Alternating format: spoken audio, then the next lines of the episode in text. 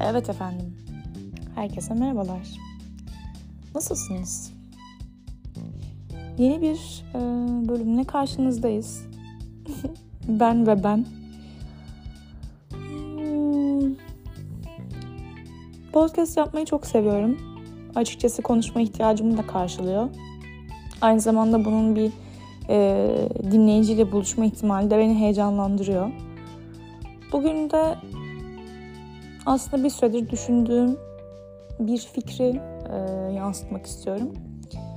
Bunun için Sartre'ın ünlü sözü L'enfer c'est les autres yani cehennem başkalarıdır adlı sözünden yola çıkıp kendi perspektifimi ortaya koymaya çalışacağım.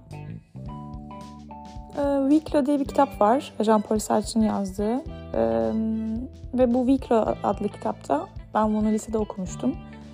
E, aslına bakarsanız lisemin bana kattığı güzel şeylerden biri bu e, okuma alışkanlığı. Özellikle Fransız filozofların yazdığı kitapları okuyup onları derste işliyorduk. E, daha sonrasında mesela Türkiye'deki üniversitelerle kıyasladığım zaman aslında Saint Joseph ve Fransız okulları diyeyim genellikle Fransız liseleri bir üniversitenin vermesi gereken eğitimi e, lisede bize vermiş diye düşünüyorum. E, bu yüzden de müteşekkirim. Ne diyeyim? Yaşasın frankofon olmak diyelim. E, böyle de elitist bir yerden hani bakmak istemiyorum açıkçası ama e, gerçekten yiğidi öldür, hakkını ver demek lazım yani. Bu kitapları Türk üniversitelerinde okutmuyorlar bile bazen. Hani lisede okutmak o yüzden vizyoner bir hareket olarak düşünüyorum ben. Ee, konuma girecek olursak da Viclo diye bir kitap var Sartre'ın ve burada L'enfer c'est e, kelimesi geçiyor. Bu bayağı bir felsefenin de bir tartışma konusudur aslında. Ee, kitapta kabaca Esther karakterinin kendini yargılayabileceği yani kendini görebileceği, kendini nasıl neye benzediğini, kendi vizyonunu e, oluşturabileceği bir imajı yok, bir aynası yok. Dolayısıyla Ines ona kendi sözlerin e, sözleri değil pardon gözlerini hediye ediyor. E, makyaj yapabilmesi için kendine e, Ines'in gözlerinden bakarak e, makyaj yapması gerekiyor. E, ve aslında burada şuraya çıkıyor olay. İnsan kendi üzerinde geliştirdiği yargıları başkasına muhtaç kalarak yaptığı zaman aslında onun cehennemi oluyor. Yani biz başkalarının gözlerinden, başkalarının yargılarından, düşüncelerinden kendimize anlamaya çalıştığımızda bu bizim için bir e, hapishane oluyor. E, bu da konuyu şuraya getiriyor. O zaman hepimiz birbirimize muhtacız ve hepimiz birbirimizin e, anferi miyiz yani cehennemi miyiz? E, burada tabii ki sorulması gereken hmm, soru şu.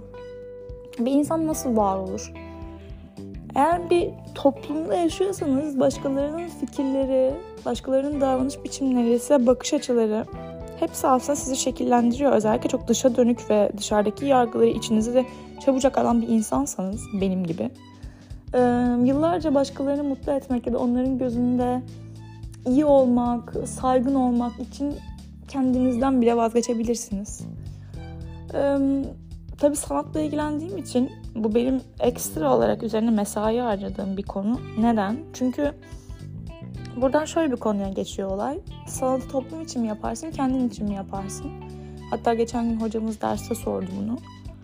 Ee, tamamıyla toplum için yapılır diyemem. Çünkü ım, o kahramanlığı oynayacak bir insan değilim ben şu noktada. Ee, kendi içinde bazı şeyleri çözümleyememiş biri olarak e, toplumu kurtarma vazifesini üzerimde hissetmiyorum. Böyle bir şeyin altına girmeyi düşünmüyorum ama yapılan her türlü bireysel hareketin toplumu dönüştüreceğine dair bir inancım da var.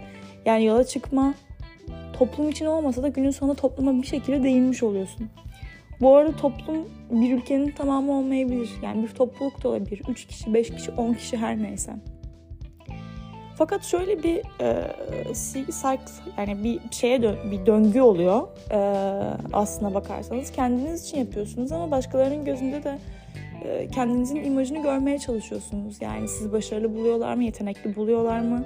Günün sonunda beğeniye e, yönelik bir iş yapıyoruz aslında.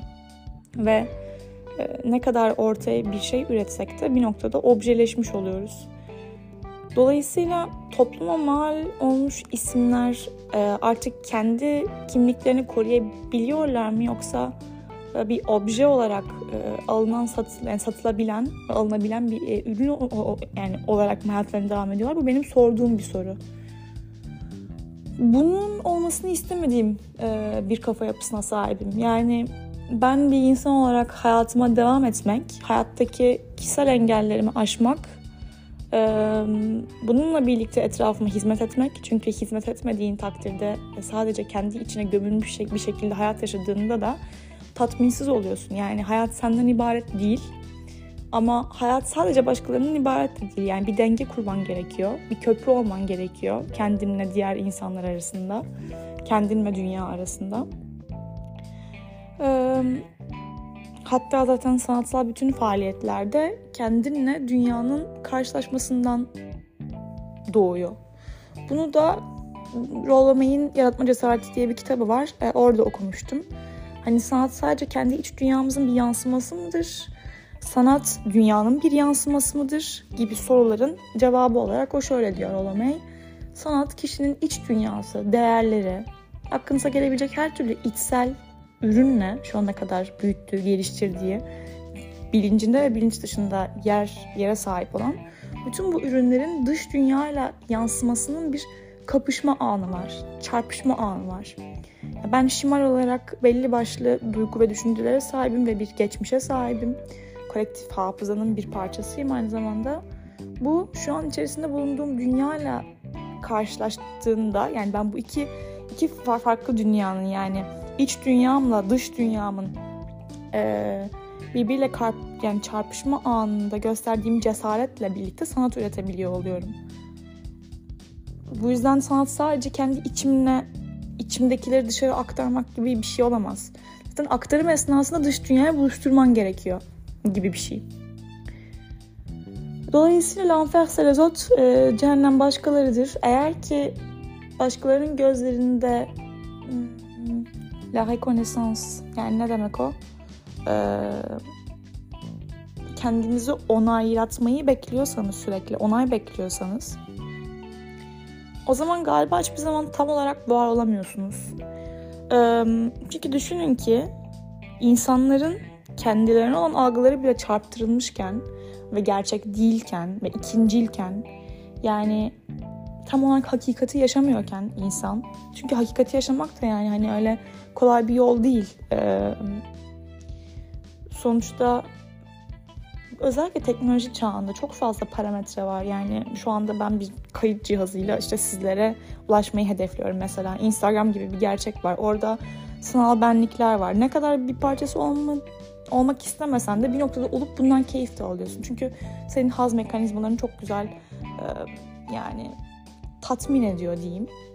Dolayısıyla böyle bir dünyada objektif bakabilmek yani olanı olduğu gibi görebilmek çok zor. Ee, ve çok da idealist olabilir yani böyle bir hayat yaşamaya çalışmak. Tatsız da olabilir bu arada. Çünkü insanın bazen fantazilere ve yanılgılara da ihtiyacı vardır. Kendini koruması için çoğu zaman. Dolayısıyla hani böyle bir dünyada da zaten bu kadar yanılsamanın ve illüzyonun olduğu bir dünyada ve insanların kendine dair bile illüzyonları olduğu bir dünyada kendini başkalarının gözünden görmeye çalışmak çok e, çok kusurlu oluyor. Yani gerçekten kusurlu oluyor ve tehlikeli oluyor bence. Dolayısıyla kişinin kendine sahip çıkması meselesi çok önemli oluyor. Kişinin kendine sahip çıkması ne demek? E, daha fazla introspeksiyon yapması demek. Daha fazla iç dünyasına hakim olması demek. Ben ne istiyorum, ne düşünüyorum, nasıl hissediyorum? kendime olan bakış açım nedir? Çünkü kendinize olan bakış açınızla insanların size bakış açısı eşleşmeyebilir. Fakat günün sonunda kendi bakış açınızı güçlendirirseniz kendinize dair insanlar da çok ilginç. Bu psikolojik bir süreç bence. Kendinize sahip çıktığınızda insanlar da sizi hmm, onaylıyor, takdir ediyor, saygı duyuyor. Bilmiyorum. Galiba bu biraz toplumun e, vahşi tarafı diye düşünüyorum. Yani ne kadar e, sözde gel, gel, yani gelişsek de toplum e, zayıf olanı elemeyi çok çabuk e, adapte ediyor yani kendi hayatına. en zayıf halkayı eliyor. Eğer sen kendine güvenmiyorsan ve çok fazla self-doubt'ın varsa, şüphe duyuyorsan kendinden çok çabuk seni yiyebiliyor. Seni çok çabuk kullanabiliyor. Şimdi toplumu bir canavar olarak göstermek istemiyorum ama günün sonunda karşılaştığımız şey bu. yani kendi içimizde var olabiliyorsak eğer ve bu tinsel varlığımızı fiziksel evrende de yaşatabiliyorsak eğer ve zaten başkalarının gözünde ne olduğumuz artık umrumuzda olmadığında bir anda e, bir Murphy yasası olarak yani siz bir şeyleri bıraktığınız zaman artık umursamadığınız zaman yıllarca belki düşlediğiniz şey sizin hayatınıza girmiş oluyor. Bu bir aşmışlık, bu bir özgürleşme anı aslında. Böyle bir şey gerçekleşiyor. Bunu ben de hayatımda dönem dönem yaşıyorum yani hatta çok farklı karakterler gibi içimde bir çok özgüvenli e, ve kendine sahip çıkan işte e, özellikle konuştuğunda e, kelimelerini düzgün seçebilen bir insan var ve o insanın umrunda bile değil yani başkalarının onun hakkında ne düşündüğü.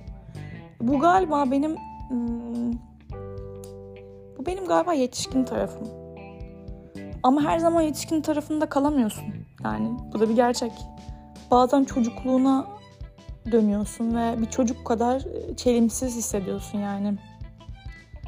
Ee, ve o zamanlarda anne baba sevgisini e, dışarılarda arıyorsun. Nasıl küçükken anne babadan takdir görmek istiyorsan bu sefer dışarıda toplumda bazı otorite figürleri seçiyorsun kendine. Yakın bulduğun belki ya da anne babana benzettiğin bilmiyorum. Daha e, derin seviyelerini bilemiyorum ama o zaman onlardan e, bir takdir görmek için çabalıyorsun. Fakat bu ne biliyor musun? Ee, boşa vakit kaybı yani bu gerçekten boşa vakit kaybı. Günün sonunda zaten sen kendine sahip çıktığında ve sadece bu yolu kendin için yürüdüğünde ne oluyor? Dürüst bir yol oluyor bu. Yani başkaları için yapılmış bir yol olmuyor. Dürüst bir yol yürüyorsun ve bu dürüstlüğün başkalarına ilham oluyor ve böylece toplumda bir dönüşüm sağlayabiliyorsun. Ben böyle düşünüyorum. Tabii yol uzun. Her zaman e, bu düşüncem sabit ve güçte ve aynı parlaklıkta, aynı enerjide var olmuyor. Zaman zaman düşüyorum yani. Çok normal. Ama düşmeyi de kabul etmek lazım. Çünkü düştükten sonra işte bu gibi fikirler geri gelebiliyor, çıkabiliyor. Çünkü e, yani sanat yani üretim daha doğrusu. İlla sanat deyip böyle ulvi bir yere yerleştirmeye gerek yok. Üretim süreci bir sürü sancı süreci ve süreçte de e, ölü doğum yapabilirsin yani. Ta ki bir gün gerçek bir doğum yapana kadar. Ta ki e, bütün o kasılmalara rağmen hani nefes almaya devam edeceksin ve aslında bir yerde e, o doğum gerçekleşecek. Benim galiba sanatla uğraşmamın temel nedeni e, kendi içimden bir sürü doğum e, çıkarmak istemem. Yani kendi kendimi doğurmak, kendi fikirlerimi doğurmak. Bazen annemin bir doğumu olabilir, babamın bir doğumu olabilir. Yani o doğum da şey yani annemi üretmek gibi değil, annemi içimden çıkarmak. Çünkü ben kendi varlığımı bulmam gerekiyor ya. Dolayısıyla ben başka birinin hayatını yaşamak istemiyorum. Ve bu hayatı ıskalamak istemiyorum. Ben gerçekten kimim sorusunu yanıtlayarak hani e, devam etmek istiyorum yaşamıma. Galiba bu yüzden sanat. Evet. Böyle. Kendinize iyi bakın. E, meditasyon yapın. Gerçekten. Hareket edin. Hareket çok çok güzel bir şey.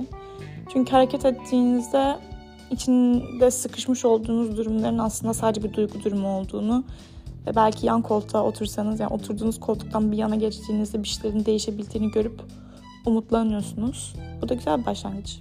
Ciao.